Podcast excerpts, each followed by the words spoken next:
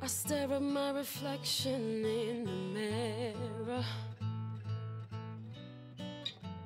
Why am I doing this to myself?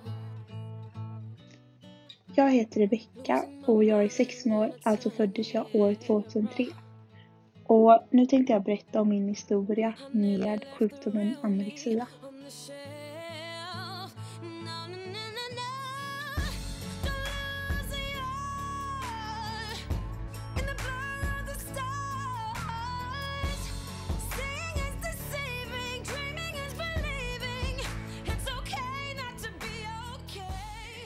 När jag gick i sexan, alltså när jag var 12 år, då började jag tvivla ganska mycket på mig själv. Jag fick ganska dålig självkänsla. Jag har alltid haft ganska bra självförtroende. Alltså att jag varit ganska social och jag har kunnat prata med främlingar utan problem. Men självkänslan hos mig har alltid varit ganska dålig. Och när jag tävlade när jag var liten, jag var väldigt tävlingsinriktad. Då var det så att jag hellre i ett lopp att jag ramlade på vägen än att jag inte kom först. Och när jag blev sjuk i min anorexi, då var det som att jag valde att ramla istället för att fortsätta hela vägen. Och jag har alltid liksom varit väldigt fascinerad av ätstörningar och just anorexia. Redan i trean, då började jag skriva berättelser om tjejer som hade anorexia. Och så var jag väldigt mycket inne på såna här inspiration-bloggar, bloggar och så vidare. Och detta tror jag var väldigt skadligt för mig. Att se allt detta och jag såg ju dem genast som lyckade. Och då när jag gick i sexan där och hade så dålig självkänsla och så, då började jag få tankar själv om att jag vill ha anorexia. Och det är inte alltid så att man vet vad som händer när man ger sig in i denna sjukdomen. Utan ofta är det så att man bara vill ändra på sig själv lite och så går man ner i vikt och så får man anorexia. Men jag ville alltid ha anorexia. Det var liksom som ett mål för mig. Eh, det låter kanske helt sjukt men jag kunde liksom drömma om nätterna och så här om att jag blev inlagd och sånt. Ehm, och då visste jag ju inte vilket helvete det var. För att anorexia ska inte glam- glamoriseras utan det är en jättehemsk sjukdom som tar väldigt många liv. Både genom att man mår så psykiskt dåligt att man tar sitt liv och faktiskt komplikationer av sjukdomen. När jag då började sjuan, då var det första försöket från min sida. Då slutade jag äta helt och jag, ja, sen så gick jag ner lite men sen kände jag, nej jag klarar inte det här så jag började gå upp i vikt igen. Alltså till min vanliga vikt. I åttan, då var andra försöket. Men denna gången, då gick mina kompisar till skolsköterskan. För att de märkte ju på mig att jag inte riktigt hade ett helt normalt förhållande till mat. Och jag sa ofta väldigt mycket konstiga saker. Och jag ville också gärna visa upp saker som hade med anorexia att göra. Som till exempel bilder och videos jag hade sett på nätet. Och detta var ju då inte normalt så då berättade de detta för våran skolsköterska. Hon valde då att prata med mig och jag tog väldigt illa vid. Så jag sa så här liksom, hur kan du anklaga mig för detta? Detta är inte okej överhuvudtaget. Men sen, då vill jag göra ett till försök. I slutet av åttan, då sa jag till mig själv den här gången ska jag inte ge upp. Och då hittade jag också recovery-konton på Instagram. Och jag tror att det var denna, det var detta liksom flödet och eh, den här att det var så många andra som var sjuka så normaliserades det för mig. Och med hjälp av detta kontot jag skapade som ett slags recovery-konto då gjorde att jag kunde fråga är det här tillräckligt? Kolla vad jag äter. Och så kunde alla andra som var i det här communityt då skriva att nej, det här är inte tillräckligt. Och det bara stärkte min anorexia hela tiden.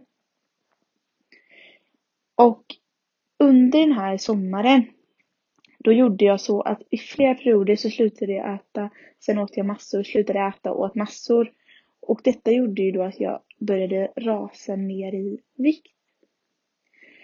Um, och sen i slutet av sommaren då bestämde jag mig för att jag klarar inte längre, jag måste börja äta som vanligt. Och då började jag äta som vanligt, inte riktigt som vanligt utan det var ju självklart och tyvärr alldeles för lite. Vilket gjorde att jag fortsatte gå ner i vikt. Men problemet var att mina föräldrar som var väldigt tur märkte detta och de kunde stoppa mig. Och efter detta så började de väga mig varje vecka och se så att jag inte hade gått ner i vikt utan de försökte få upp mig i vikt. Jag fick också en droppfot, som komplikation av detta genom att endast eh, sitta sitta i kors och klämma nerven i knät. Och då på grund av så mager som jag var gjorde det att den nerven klämdes. Under den här perioden när jag var som sjukast hösten 2018 så blev jag helt förändrad. Jag levde ju självklart, men det var som att jag ändå var död. Vi hade bokat en resa till Turkiet och jag åkte på resan med min lilla syster och mamma. Men under den här resan, det enda jag ville, det var tyvärr att komma hem. Och det var för att jag behövde vågen. För att vågen och anorexin och kontrollen över min vikt, det blev som ett beroende. Alltså man får inte glömma att anorexia är ju ett missbruk. Jag blev beroende av anorexin. Jag åkte till många läkarbesök för att ta prover och så. För att se så att det inte var något annat som var fel och gick också till sjukgymnast. Sen så i januari 2019 8 januari 2019 så åkte jag till ätstörningsenheten i Varberg. Och där blev jag diagnostiserad med anorexia. Efter det så skulle jag få börja med ett matschema som jag i början hade helt kontroll över själv. Men detta funkade inte för jag hade fortfarande kvar vågen och jag kunde kontrollera att jag inte gick upp någonting. Och två veckor senare så skulle jag åka till Spanien med min bästa vän. Thea. Och egentligen på sjukhuset så sa de att jag inte fick åka och att jag skulle börja dricka tre näringsdrycker per dag. Och jag skulle ta med min näringsdryck till Spanien som jag lovade att dricka för att jag skulle få åka. Själv så tycker jag att de överdrev en del på sjukhuset för i deras syn på det så fick jag inte åka på grund av att det finns inga läkare på flygplanet. Och jag förstår att man måste bemöta folk som kommer som är sjuka på ett bra sätt. Vilket de absolut inte gjorde i Varberg. De ljög om mina prover och sa att de var mycket sämre än vad de var. Och de ljög också om mycket kalorier en näringsdryck innehöll. Detta gjorde att jag blev så pass triggad att jag började gå ner i vikt för att jag ville göra tvärtom emot vad de sa. Och denna resan i Spanien såg jag som min sista, sista chans att gå ner i vikt. Så att när vi var åt på restauranger, jag åt alltså på restaurang med min bästa vän, hennes mamma och hennes mormor. Och på de här restaurangerna så var jag så pass sjuk att jag gömde mat i min väska. Och när jag ser tillbaka på bilder från Spanien så ser man i mina ögon att jag var där men jag var inte där. Och jag slängde bort en hel resa som skulle varit hur rolig som helst. När jag kom hem från Spanien så såg de att jag hade gått ner ännu mer i vikt. Vilket gjorde att mina föräldrar fick bli ännu strängare. Och de gjorde en plan för hur mycket jag skulle gå upp varje vecka. Denna planen höll inte. Eftersom att jag tappat så mycket förtroende för mina behandlare i Varberg så gjorde det så att jag bara började gå ner ännu mer i vikt. Efter ett tag så skulle jag åka på familjedagvård i några dagar ner till Halmstad. Och det var där jag träffade min kompis Alva. Jag hade väldigt många kontakter runt om i Sverige och till och med en person i Kungsbacka som har varit ätstörda och är ätstörda. Och den här kompisen som jag träffade här i Kungsbacka kände och berättade om en kompis till henne som, jag började, som hade börjat få ätstörningar. Och det var denna kompisen jag träffade nere på familjedagvården. Och som den tävlingsmänniska som jag alltid har varit så var jag tvungen att jämföra mig. Men så länge jag var, vägde minst och hade lägst BMI så var det okej. Okay. Då mådde jag ändå ganska bra. För att det är det man inte får glömma. Att anorexian trivs, kan lära sig trivas på vissa ställen när man är i sjukdomen och på vissa vikter och den kan nöja sig med en viss kontroll men sen blir det ofta bara värre. Efter den här familjedagvården i Halmstad som för den delen var oerhört bra och jag lärde mig väldigt, väldigt mycket. Eh, och det höll faktiskt på att vända. Men sen så skulle min mamma åka bort ett tag för att jobba. Det var endast en vecka, men det skulle också ske tre gånger, så det blev ju tre veckor sammanlagt. Och jag och min pappa, vi kommer inte alls överens. Och så pass hård han var. Och det de i Varberg sa åt han att göra. Det kunde inte jag acceptera. Att jag inte skulle få sminka mig innan skolan för att jag inte skulle få närheten av en toalett. Eller att jag skulle bli genomsökt efter maten så att jag inte hade gömt någon mat. Alla de här reglerna gjorde att jag bara ville gå emot mer och mer och mer. För att det gjorde att jag ville hämnas. Och detta gynnade ju bara min anorexia. Så den blev nästan glad. Den blev nästan glad när jag fick alldeles för många regler. För det gjorde att alla de skuldkänslor jag skulle fått om jag ljög och gick emot annars fick jag inte. För att jag var så arg. Jag var så arg för att de vägrade lyssna på mig och ljög för mig om och om igen.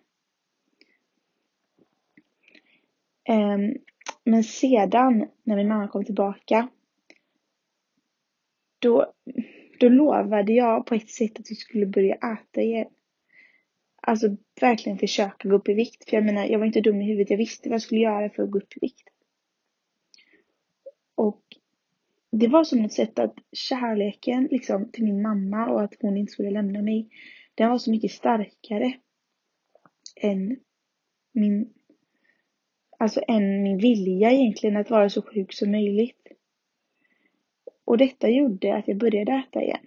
Och jag gick upp i vikt. Jag gick upp ganska mycket i vikt på en vecka. Och det tyckte jag var väldigt jobbigt.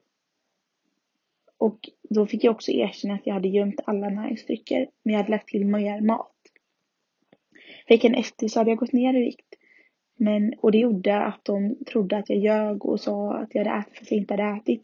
Fast sanningen var att jag ljög aldrig. Och detta gjorde att jag tappade ännu mer förtroende för dem. När de på gång på gång sa att jag ljög fast jag inte gjorde detta, det.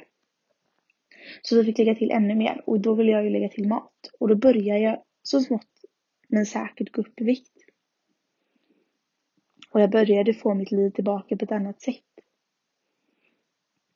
Jag fick en tvångstanke för matschemat för att det skulle ätas på de här tillfällena och de här ställena. Och det gjorde att jag gick upp i vikt men jag hade fortfarande kontrollen kvar. Och jag hade speciella liksom, tidpunkter och så jag var tvungen att äta. Men jag blev ju fortfarande räddad. För jag vet faktiskt inte vad jag skulle vara idag om inte jag hade fått den hjälpen jag fick. För så sjuk som jag var där, det har jag bara liksom insett nu. Och jag har också insett att livet, det är ju någonting vi måste leva. Nu när det har gått ett år sedan jag var som sjukast och jag har växt oerhört mycket.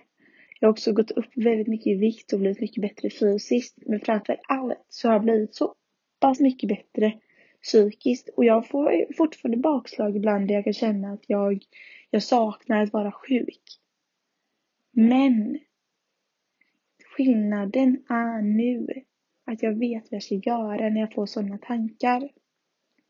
Jag har alltid någon jag kan vända mig till. Och det är min älskade, älskade mamma. Och jag är så oerhört glad att jag har henne. För att hon fick mig att inse att anorexia är inte någonting man vill ha. Det är en jätteallvarlig sjukdom som människor dör av. Och att vara en 40-årig eller vara en anorektiker hela sitt liv. Det blir bara sorgligt. Det är verkligen ingenting som ska glamor glamoriseras. För att när man har haft anorexia, då får du, du att kalla, eh, död, du ser död ut i ansiktet, död, du, du är helt iskall. Du får jättemycket problem med magen, massa förstoppningar, diarré och mycket mer. Och det är aldrig värt det. Oavsett hur mycket du tänker. Oavsett vilken kick du får. För precis samma sak som det är med alkoholmissbruk eller drogmissbruk så kan man aldrig ens gå tillbaka lite. För att ibland när man ger anorexin lillfingret, då tar den hela handen. Så jag vill bara säga till er att välj aldrig att börja gå ner i vikt eller ändra på dig själv för att du mår dåligt. Utan välj alltid att prata med någon i första hand. Var aldrig ensam i att du mår dåligt och det är aldrig någonting du ska skämmas för. För att det finns så många som är i min ålder som mår så dåligt, som väljer att svälta sig själv. Många tar livet av sig och det är ett sånt hemskt samhälle vi lever i där det är så. Så lev livet. För det är så mycket som ska komma som inte har kommit än. Och vi i denna åldern har hela livet framför oss.